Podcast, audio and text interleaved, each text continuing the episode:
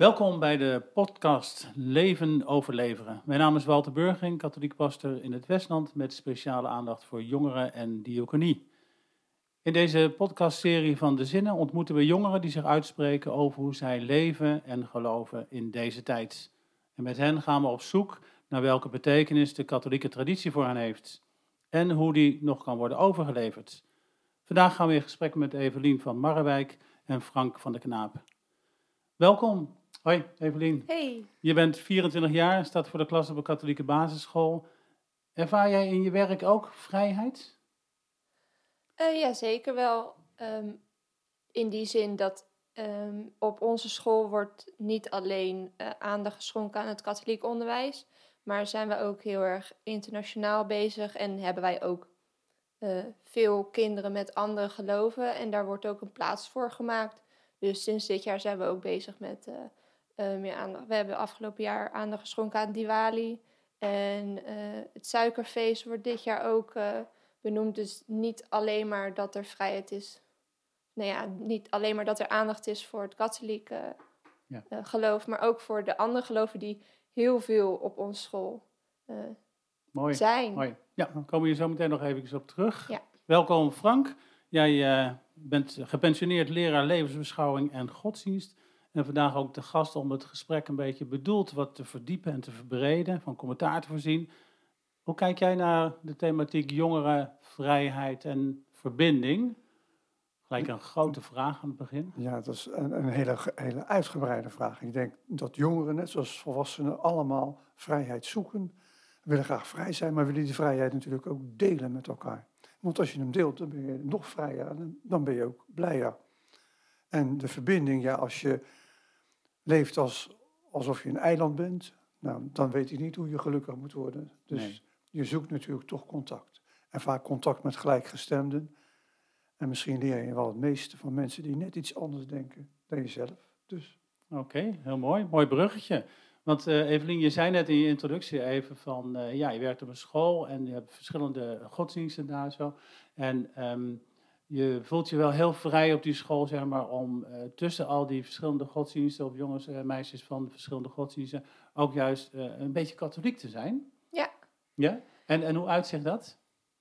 Nou, ik vind dat juist heel grappig, want omdat wij dus ook veel aandacht aan andere geloven uh, schenken en dat er ook ruimte is voor elkaar om daarnaar te luisteren, vind ik ook grappig. Dan kom, komt zo'n jongen van Turkse afkomst, uh, een moslim, die komt daar naar me toe en die vraagt dan, ja, juf, ik had afgelopen weekend een bruiloft, maar hoe gaat dat dan bij jullie okay, in het geloof? Ja, dat, daar zijn ze dan gewoon geïnteresseerd in en dan vind het heel leuk als je daarover vertelt.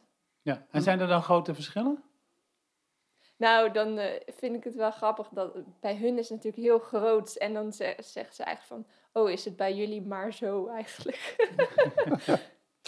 Prachtig, ja. ja. Dus eigenlijk uh, voelen ze zich uh, groeien omdat wij het maar heel karig doen, eigenlijk heel sober. Nou, ik weet niet of ze dat zozeer voelen of ervaren, maar het is gewoon grappig om die verschillen dan uh, te zien en te horen. En ook dat ze dat dus niet weten hoe dat dan bij ons is. Ja, is het dan eigenlijk wel zo, een beetje, omdat ze het niet weten, dat, het, um, uh, dat we er eigenlijk heel weinig over praten? Weet ik niet. Ik denk dat het ook heel erg te maken heeft met uh, de mensen met wie je omgaat.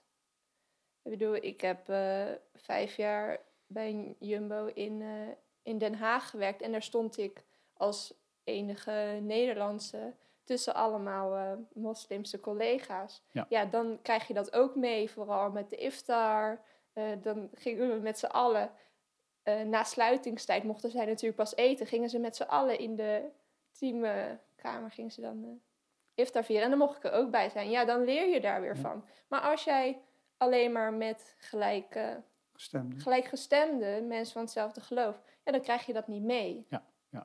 Dus dan is het heel verrijkend eigenlijk. Ja, vind ik wel. Ja.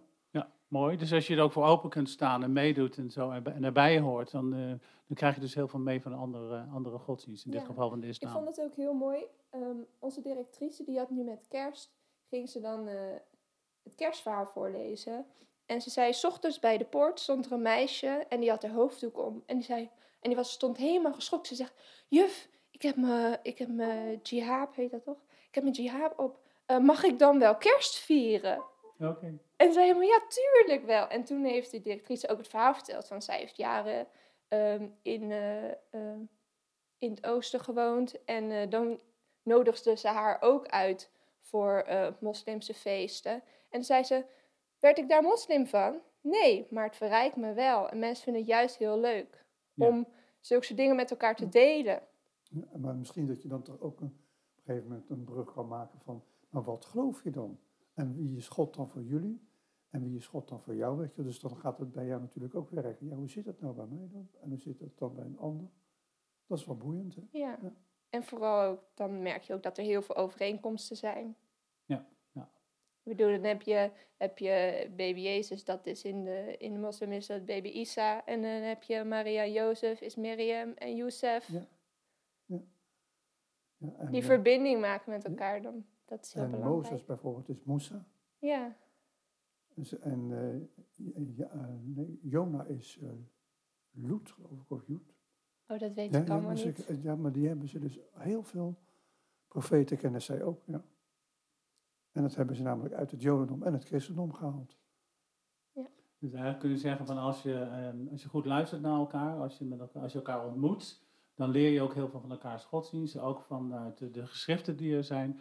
En op die manier eh, heb je eigenlijk een, eh, een, een leukere klas en een leukere eh, groep eh, ja, bij de hand eigenlijk. Hè? Ja, Mooi, mooi. Het is het eerste wat je zegt als ik inderdaad vraag van, goh, hoe beleef jij vrijheid? Dus eh, dat, dat, dat richt je helemaal eh, naar godsdienstvrijheid direct? nou, dat gaat natuurlijk ook meer om waar dit gesprek dan op gaat. Maar ik vind het gewoon heel belangrijk dat, dat je gewoon vrij mag zijn in wat je denkt en wat je vindt. Ja. En ehm, dat mensen elkaar in die zin respecteren. Ja, Ik, ja. zie, dat is ook, ik zie vrijheid niet echt zozeer als eh, dat je eerst opgesloten zit en daarna ben je vrij. Maar dat is ook meer omdat ik dat nooit ervaren heb. Ja, nee, helder. Dus Ehm, dat- dus ik zie meer vrijheid in de zin van eh, vrijheid van meningsuiting bijvoorbeeld. zodat je kunt zeggen wat je wilt en dat gewoon openbaar kunt doen. Ja, maar wel met de, kan, eh, met de kanttekening dat je wel rekening moet houden met elkaar. Dus niet Ja, om ja. iemand anders te kwetsen. Of... Oké, dus er zijn grenzen aan de vrijheid, aan de vrijheid van meningsuiting. Jawel, dat denk ik wel. Ja. Eh, Jij bent jong, eh, eh, 24 jaar. eh, je zit op sociale media, denk ik. Mhm. Merk je dat daar ook? Dat er een grote vrijheid is van meningsuiting, maar dat er eigenlijk ook wel grenzen moeten zijn? Ja, ik merk dat soms wel. Ik vind het soms wel lastig dat er mensen zijn met bepaalde meningen. Dat merk je nu ook met, met corona, maar ook met ehm, veganistisch leven en dat soort dingen. Ja? Dat sommige mensen heel veel daarvan posten op sociale media. En ik, ben, ja, ik hou daar gewoon echt niet van. En ik hoor ook echt wel mensen om me heen die ook zeggen van... joh, ik heb diegene gewoon ontvolgd, want eh, ik werd helemaal gek van al die Zo dingen. wordt het opdringerig, zeg maar. Ja, Ja, ja, ja. ik, ik, vind in gesprek, ik vind in gesprek mag je over heel veel dingen hebben en kun je heel veel dingen kwijt. Maar ik vind op sociale media hoef je van mij echt niet al jouw statements en dingen te plaatsen. Nee, nee. Komt een beetje drammerig over alles Ja, waarschijnlijk. Ja. Zeker omdat het altijd... Kijk, als je het één keertje doet. Ik bedoel, nu met eh The Voice krijg je natuurlijk allemaal van die... eh, het ligt niet aan de vrouw, eh, eh, educate your sons en zo. Dan denk je, ja, dat is één keer. Maar als je elke dag gewoon alleen maar Daarmee bezig bent. daarmee bezig bent, dan vind ik het wel... Een mager bestaan, hè, dan. En eigenlijk is dat... Dan denk ik, en waar is het voor? Het is Ja. gewoon voor om eigenlijk meer je leven te delen. En, eh, Het is communicatie, hè? Ja. ja, ja. Maar dan communicatie dus blijkbaar waar je ook zegt van, nou ja, eh, als mensen te opdringerig worden, maar dat zou in het normale leven ook zijn, dan denk je van, ho, stop eventjes, eh, hè, doe even Ja, maar dan kan je het makkelijk zeggen. Je, kan Ja. niet, je gaat niet iemand een berichtje sturen van... joh, haal jij even die content van je pagina Nee, waarom niet? Ja, nee, dat doe je gewoon niet. En het zijn ook vaak wel mensen die niet heel dicht bij mij staan. Oké, oké. Je hebt veel meer vrienden, zeg maar, dan het echte vrienden zijn, om het zo te zeggen, op sociale media. Ja, precies. Ja, Maar ik denk ja. dat tegenwoordig wel... Hm. veel maar goed, je zei inderdaad van vrijheid van meningsuiting is belangrijk, maar er zijn dus grenzen. En dan sociale media zie je heel duidelijk dat er grenzen zijn als mensen opdringerig worden. Dus we beperken eigenlijk, eh, andere mensen kunnen je vrijheid een beetje beperken. Nou ja, eh, in die zin, ik beperk hun daarin niet. En ik zeg er verder niks van, maar dat is meer wat ik dan zelf ervan vind. Ja, ja. En dan eh, kan je op Instagram heel makkelijk in plaats van tikken, swipen. Dan ben je gelijk van het verhaal af. Ja. Dus daar heb je ook nog de ruimte in om dat gewoon lekker voor jezelf te Nee, regelen. dit Ja. hoef ik niet te lezen. Ja, ja. Maar nu, ik hoor een heleboel kanten van vrijheid. De een is vrij om alles op zo'n medium te zetten. Jij bent vrij om te swipen. Maar dan denk ik wel, wanneer kom je nou met zo iemand echt in contact? Want dan is het alleen maar liken of eh, disliken. En, maar een gesprek is er niet. Nee, Dus dat is wel maar best dat wel is dan ook het verschil in, ik bedoel, met eh, vrienden die ik dichterbij heb staan. Als ik dan met hen afspreek, dan heb je het gesprek met hen. Maar die mensen waar ik het nu over heb, die, eh, die zitten niet zo dicht in mijn vriendengroep Nee, dat ik ze echt spreek. nee. En daar heb je ook geen behoefte aan, denk ik dan. Nou, weet ik niet. Dat, dat is ook meer van... eh, Dat is een vraag eigenlijk. je vrienden zoek je... Ja, je zoekt ze niet per se uit, maar het is wel... Misschien is vrienden ook wel, zeker op sociale media, niet het goede woord. Hè? Ik hoor het woord Kennissen, kennissen of Ja. netwerk hoor ik Ja. wel eens. Hè? Dus, dus dat, Ja. dat veel, dat is het ook meer. Ja, en dan, dan hoef je inderdaad niet alle onderwerpen of dan hoef je ook niet, elkaar niet echt te ontmoeten. Dan is het meer van, ach, we kennen elkaar, we zeggen hallo en dag. En dat is het eigenlijk, hè? zo'n beetje Ja. op die manier. Ja, ja. Nou, dat is eh, wel, een mooi, wel een mooi onderscheid. Maar in de klas heb je ook wel ehm, dingen in vrijheid. Dat ik denk van, nou ja, niet in vrijheid, in, in meningen. Dat ik denk van, ja, het laat me. Ik had vorig jaar een kind. Nou, die is ook eh, eh, Turks komaf, denk ik. Weet niet. En eh, die kreeg vanuit huis uit heel erg mee van, eh, nou, mannen en vrouwen die werken niet samen. En eh, vrouwen zijn minder en weet ik veel. En die jongen wilde gewoon niet met een meisje samenwerken. Ik zeg, waarom wil je niet met haar samenwerken? Ja, ik ga niet met een meisje samenwerken. Nou, daar heb ik hem toch echt wel op aangesproken. Ik zeg, dus jij wil überhaupt niet met vrouwen samenwerken. Dus je wil ook niet met mij samenwerken. Ik zeg, ik vind dat echt wel een belediging. Ja, dan vind ik, dan gelden de normen en waarden gewoon die we op school en in de klas hebben. En dat is gewoon, je werkt met iedereen samen. Ongeacht of het een jongen of een meisje is, ja. Dan denk ik, die eh, mening, ja, dan beperk je toch wel een beetje de meningsvrijheid. Maar Ja, dus in die zin, hij heeft dan wel recht op zijn eigen mening, maar hij moet zich wel Wat hij thuis aanpassen. mee doet, moet hij zelf weten. Maar dan zie je wel gelijk hoe moeilijk dat dat kan liggen. Hè? Dat je dus zegt, ik ben voor vrijheid. Maar ja, die vrijheid is niet altijd te realiseren. Nee, kan ook niet. Nee. Je hebt misschien ook wel, precies wat je aangeeft, eh, je hebt misschien wel die normen van een klas of van een maatschappij ook wel nodig. En uiteindelijk denk ik dat we als maatschappij eh, de normen samen bepalen. En dus als er meer verschillende culturen zijn of meer verschillende achtergronden, dat het ook verandert.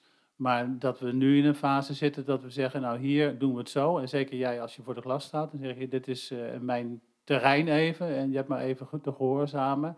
En samenwerking tussen man en vrouw vinden wij hier heel normaal, dus jij gaat het ook doen. Ja. En zo werkt het een beetje. Ja, ja. En ook een beetje naar.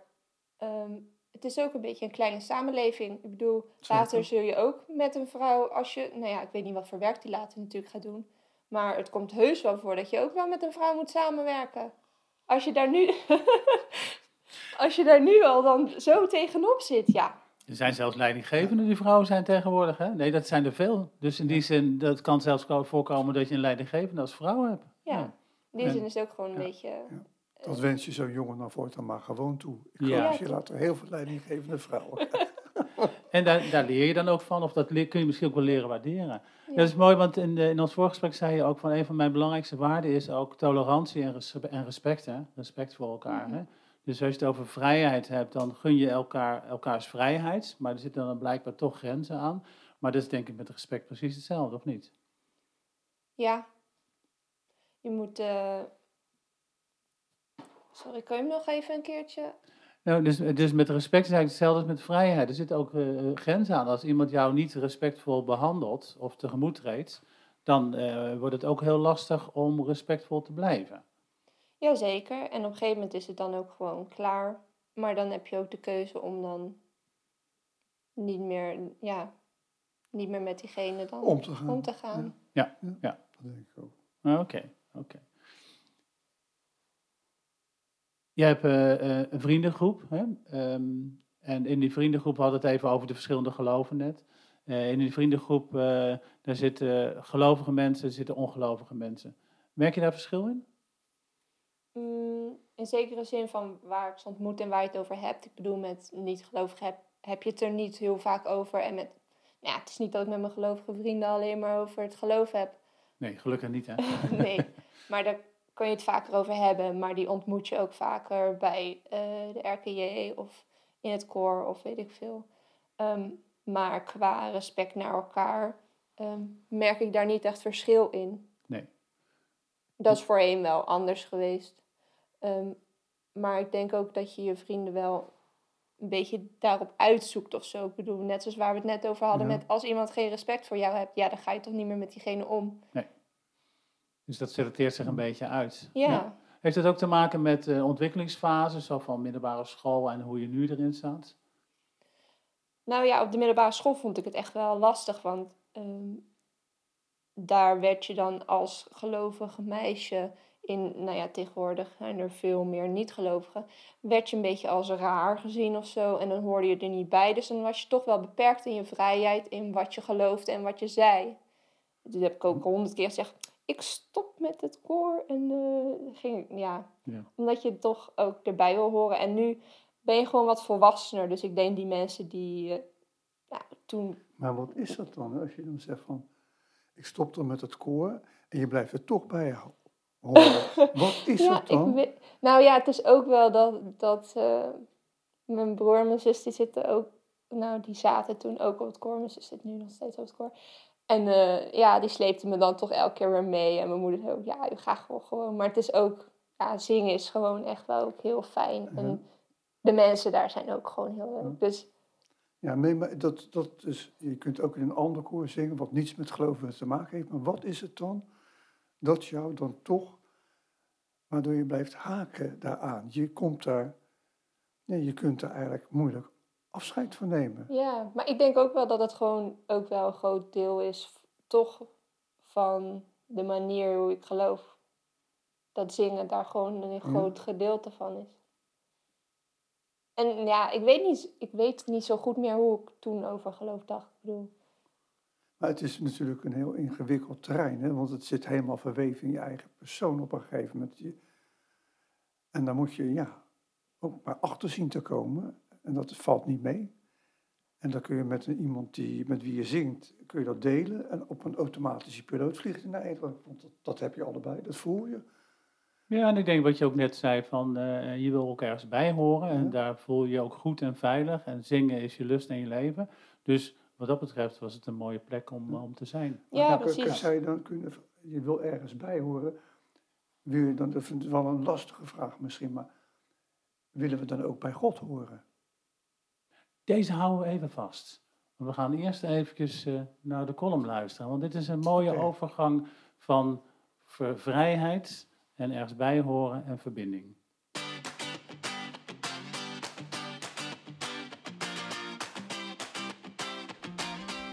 Vrijheid speelt een belangrijke rol in het leven van jongeren. Vooral persoonlijke keuzevrijheid. Dat het leven op eigen wijze vorm krijgt. Je wilt je niet laten bepalen door anderen. Tegelijkertijd zijn anderen wel vormend geweest en belangrijk voor je persoonlijke ontwikkeling. In onze tijd en maatschappij moeten we veel dingen. Door veel en intensief te werken of studeren lijkt het er soms op dat jongeren meer bezig zijn met overleven dan met leven. Steeds meer geld is nodig om voor jezelf te zorgen. En dan ben je dus helemaal niet zo vrij als je denkt. Mijn vrijheid stopt waar ik die van anderen schaad, zeggen sommige jongeren. Maar zij willen ook zelf dingen blijven ondernemen. Een vaste traditie voelt voor hen als beperking van hun mogelijkheden als individu. Jongeren hebben dus een sterk ik-gerichte vrijheidsbeleving, maar zoeken ook naar verbinding. Echte verbinding komt vaak in het gedrang, onder andere door een te volle agenda. De behoefte aan verbinding wordt in gezinsverband met opa's en oma's en in de vriendenkring gevonden en ervaren als essentieel, betrouwbaar en verbindend. Een geloofsgemeenschap biedt hun dat niet. Kerken hebben er moeite mee als jongeren zeggen: Als ik een kerk binnenstap, wil ik graag deelnemen zonder direct lid te hoeven worden en verbonden te zijn. Even anoniem. Ik wil mijn eigenheid en vrije keuze behouden, ook binnen de liturgie. Als ik opeens de geloofsbeleidenis mee moet bidden, voelt dat als beklemmend, zegt een van hen. Erbij horen is dus één, maar niet in de zin van aansluiting bij een gemeenschap. De angst om hun vrijheid te verliezen staat daarbij voorop. Gemeenschap roept regels, wetten en verplichting op. Maar voor hen is het veel meer een netwerk, waar je eigen ding doet en inbrengt en soms iets haalt. Hun logische drijfveer om bij een zelfgekozen gemeenschap te horen is meer: wat levert het me op? Dat je daar rust kan vinden, bidden en een kaarsje aansteken hoort bij de zelfsprekende aanwezigheid van de traditie. Ja, dit is geen vrijheid, blijheid, hè, maar vrijheid en ergens bij willen horen. Valt er iets op, uh, Evelien, als je dit, uh, dit hoort? Komt er iets naar voren waar je denkt van wauw, ja, daar herken ik me wel in? Nou, ik snap dat wel van dat je uh, niet per se dan bij een gemeenschap gelijk er, erbij hoort of zo.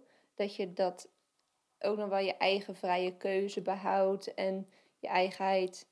En ook, ja, ik bedoel, in de Bijbel staan ook wel dingen waar je het niet helemaal mee eens bent. En ik snap wel dat je dan niet gelijk denkt van oké, ik wil er gelijk helemaal bij, omdat je zelf ook nog je eigen mening hebt. En ja, voor sommigen kan dat moeilijk te combineren zijn. Ja, betekent dat dat, dat, uh, dat je bang bent, als ik naar jou toe buig, ben jij bang als je bij een gemeenschap hoort dat dan je eigen mening of je vrijheid van meningsuiting uh, zou, minder zou worden? Nee, want ik denk toch wel dat ik bij mezelf zou blijven, maar meer dat de verschillen in die zin te groot zijn of zo. Maar dat is ook omdat je in de kerk toch ook veel oudere mensen hebt en die hebben ook toch een andere uh, geloofsbeleving hm. dan dat ik als jongere heb. Ja, waar ligt dat en zij Nou, ik denk vooral ook dat zij meer um, um, aan de tradities hechten en meer. Ja, ik zie u kijken, dat denk ik. Um, en dat wij dat toch allemaal wat vrijer interpreteren. En, en wat bedoel je dan met tradities? Nou, ook bijvoorbeeld de, de, die geboden of dat je dat wat strakker houdt. Of... Ik denk dat dat ook echt wel dingen zijn waardoor mensen denken van ja, ik ga dan nu bij de kerk. Er zitten allemaal regels en dingen aan van hoe je moet leven. Terwijl ik het meer zie als een soort uh, guideline. Ja, oké, een guideline die je gewoon richting geeft en voor de rest kun je je eigen keuzes daarin maken. Ja, en ik bedoel, in de kerk hoor je ook wel uh, dingen waarvan je denkt van nou, daar doe ik niks mee. En soms hoor je dingen dat je denkt van nou, dat is leuk, daar ga ik wat mee doen. Nou, dat is, ik denk dat dat ook precies is waar het voor bedoeld is in de kerk. En het zou heel raar zijn dat je precies allemaal hetzelfde moet vinden, toch? En dat je het eens moet zijn met degene die de preek houdt, dat, dat die de waarheid. Nee, je moet daar zelf over nadenken. Ja, maar ik denk wel dat dat wel iets is voor een, iemand die uh, nieuw gelovig is, of hm. weet ik veel, dat die daar wel een soort van bang voor is van, ja, maar dan moet ik dat allemaal volgen en dingen, omdat je niet weet hoe het ook anders kan.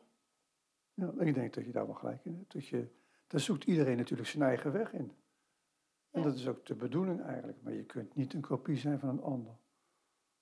Nee, maar toch zit er iets eh, van, van angst, in ieder geval bij de jonge generatie, dat ze een soort eenheidsworst moeten worden of zo. Ja, ja. Ja, ik weet niet hoe dat zit. Ja, en misschien, maar dan moet je maar zeggen of dat klopt. Misschien denken ze wel dat ze een heleboel dingen moeten doen, maar die oudere mensen doen het ook allemaal niet. Die hebben gewoon, in, door hun lange leven hebben zij toch een bepaalde uh, ja, zelfstandigheid verworven. En dit doe ik wel en dat doe ik niet. En dat maak ik zelf uit. En daarin volg ik jullie wel. En wat ik ook in deze column terugkwam, wat ik dacht van, dat is ook echt een ding, een te volle agenda. Ik bedoel, jongeren zijn tegenwoordig met zoveel dingen bezig, dat ze denk ook niet zozeer uh, de, de tijd maken meer. Of ook misschien de tijd niet hebben om erover na te denken om naar een kerk te gaan of gelovig bezig te zijn of dat soort dingen. Ja, ja. Nou was de cliffhanger voor de column even van Frank van uh, wil jij ook bij God horen? Ja. Ja, maar ik, ik wil dat wel. En ik vind het soms jammer om te zien dat, dat er toch minder jongeren dan in de kerk zijn. En ik vind dan, ehm, als je dan meer jongeren ziet of met, uh, met RKJ dan met andere jongeren spreekt, dan vind ik het wel heel fijn om dan toch te beseffen dat je niet helemaal alleen bent. Maar ik vind dat wel moeilijk. Je hebt anderen nodig, zeg maar, om ook te kunnen geloven. Nou, ik denk dat dat wel belangrijk is. En wat is daar dan aan belangrijk? Nou, ik denk er ook vaak aan van, ja, hoe gaat het dan in de toekomst eruit zien? Dus hoe geven we die geloofsgemeenschap of die kerk vorm? Ja, En als jullie dat nou zelf zouden vorm mogen geven, oh, nou, dan vraag je me iets, daar heb ik nog nooit over nagedacht. Ehm, ja, vind ik heel Ik weet niet. zou je het doen zoals het nu wordt gedaan? Of zou je daar toch een aantal dingen in veranderen? Nou, ik snap wel al die tradities en dingen dat je eigenlijk een soort van eh, op zit te dreunen als er geloofsbelijdenis en dat soort dingen. Ik vind daar te weinig gevoel of dingen bij. Ja, Ik zou, ja. ja. Nee, ik denk dat je, daar heb je wel gelijk in. Want dat is voor een heleboel mensen is het natuurlijk toch ook, eh, Walter, dat is toch zo. Dat, dat, dat zeg je dan op, of je zingt het op en je gaat erin mee. Maar soms, ja, dan denk je, hé, hey, wat staat er eigenlijk? Je zegt het gewoon, Ja, omdat je het in je, je hebt het gewoon uit je hoofd geleerd.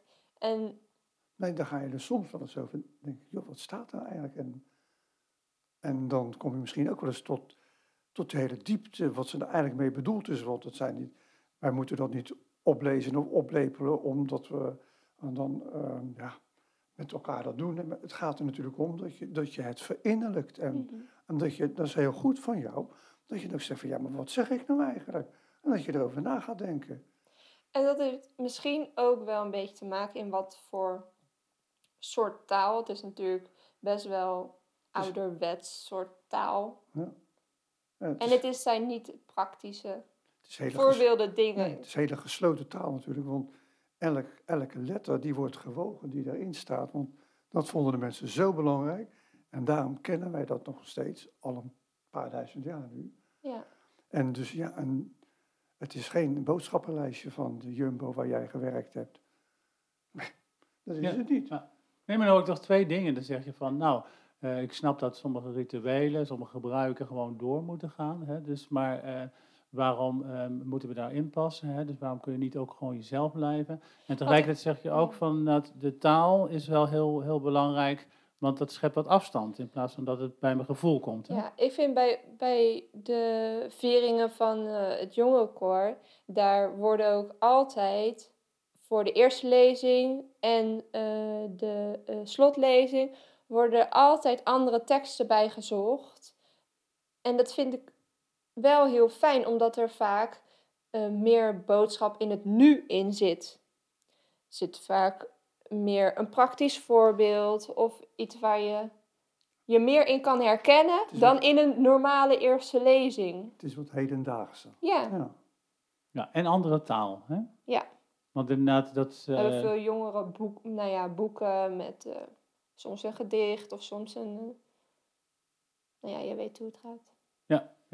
Nee, inderdaad. Dus in die zin, eh, dat is denk ik wel heel, heel belangrijk. Dus, dus enerzijds zeg je van, nou, zoals het nu gaat, daar, daar stappen we dus in. Maar er zouden wel wat dingetjes mogen veranderen. En die taal is dus een van de moeilijke dingen. En het opdreunen ook. Hè, van, Frank die zei terecht van, ja, soms moet je vaak heel veel dingen herhalen voordat een keertje doordringt. Ik moest denken aan mijn eigen tijd dat ik in een jongerenkoor zong.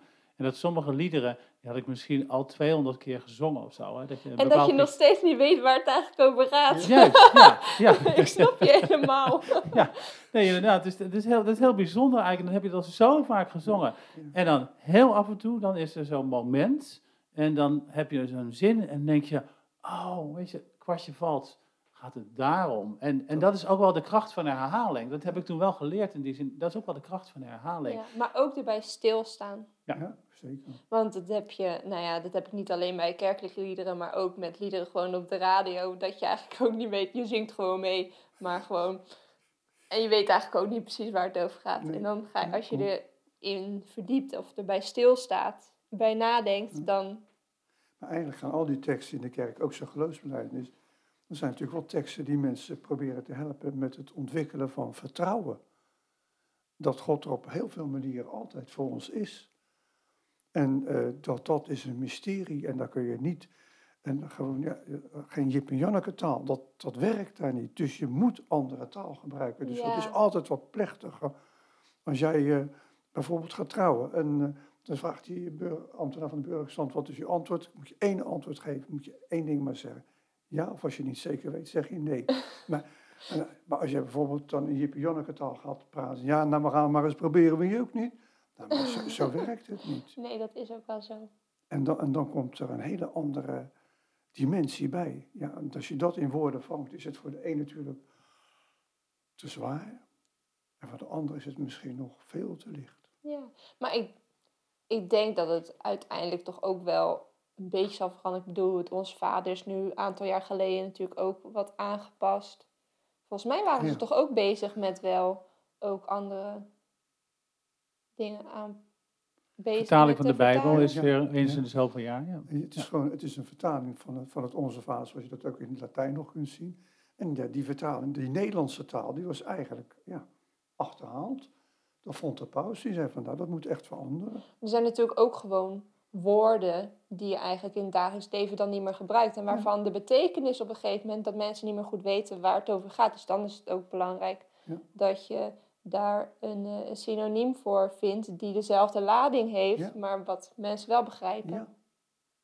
Ja, taal is wat dat betreft heel erg, eh, erg belangrijk om, eh, om mee bezig te zijn. Ehm, je geeft aan dat je met enige regelmaat naar de kerk gaat. En dat is dan vooral als je zingt. Hè? Dus Mhm. dan, dat is eigenlijk de plek waar, waar, je dan ook merkt van... nou, dan heb ik in ieder geval andere taal ter beschikking. Ehm, maar echt eh, verbinden met een gemeenschap. Hè? De kerk, dat staat ook in de column. Hè? Kerken die hebben er vaak moeite mee als jongeren zich niet willen binden en zo. Herken je dat? Dat je ook zegt van ja, ik kom er wel... Maar het is niet echt zo dat ik denk van, wauw, dit is mijn familie en eh, hier voel ik me helemaal thuis. Nee, dat, dat snap ik wel. Ehm, en, maar dat heeft ook deels te maken met dat er niet zoveel leeftijdsgenoten denk ik in de kerk zitten. ja. En als je dan in de kerk zit, heb je, ja, het is niet dat je gezellig eh, gaat kletsen met die mensen of zo. Ja, ik weet niet of het dan aan mij ligt of, Nee, zeg het maar. of dat, ja. Kun je nou bijvoorbeeld, ehm, we hebben het nu over zingen en eh, jij zingt in het koorbureau. Hè? En dat je dan, eh, dat vind je dus heerlijk voor je, om dat in je geloof te beleven. Maar kun je nou God ook vinden in de stilte? Jawel. En is die stilte dan prettiger wanneer je helemaal alleen bent of wanneer je met mensen samen bent? Nou, ik vind eh, ehm, in de kerk ben je toch wel meer, als je in de kerk zit en je gaat, dan heb je vaak na, na de ehm Eucharistie, dat je dan even gaat bidden en dan ben je alleen. En dat vind ik altijd wel prettig. Dat je dan even alleen met God kan zijn. Ja. Maar ik vind ook eh, bij de RKJ, daar doen we ook wel eens eh, eh, een momentje stilte. Ik vind dat dan toch moeilijker, omdat ik dan toch meer met andere dingen bezig ben dan even alleen focussen. Maar dat is misschien ook wel de kracht van het kerkgebouw en de rituelen rondom de mis. Hè? Dus dan is het hele geheel bij elkaar. En in een andere podcast komen we hierop terug. Dus dat is wel mooi dat je dat ook even, even aangeeft. En Ehm, ook wat die, ehm, wat die eh, ehm, in die column werd gezegd, dat jongeren misschien toch meer ik-gericht zijn. Ik bedoel, ik ga niet, als ik naar een kerk ga, dan ga ik meer voor mezelf en om daar inspiratie te Mm. halen voor in de praktijk of om een beetje rust. Ehm, en niet zozeer voor de gemeenschap en voor de andere mensen. Nee, maar dat, Maar dat hou- weerhoudt me ook weer om vaker te gaan. Want als je mensen hebt met wie je geregeld dan naar de kerk gaat en dan na de kerk kan je even een praatje maken en Ja. zo, dan zou je ook vaker gaan. Want Ja. dan denk je, ja, zien we elkaar volgende week weer? Of, Ja, dus het blijft heel erg eh, spannend. We moeten het qua tijd eh, helaas hierbij laten, Evelien, want ik denk dat je nog heel veel meer had eh, willen vertellen. Maar we spraken vandaag over vrijheid en over verbinding en binding aangaan. door de woorden van Evelien Jongeren. Vandaag met dank aan onze gasten Frank van der Knapen en Evelien van Marrewijk. Tot de volgende kast.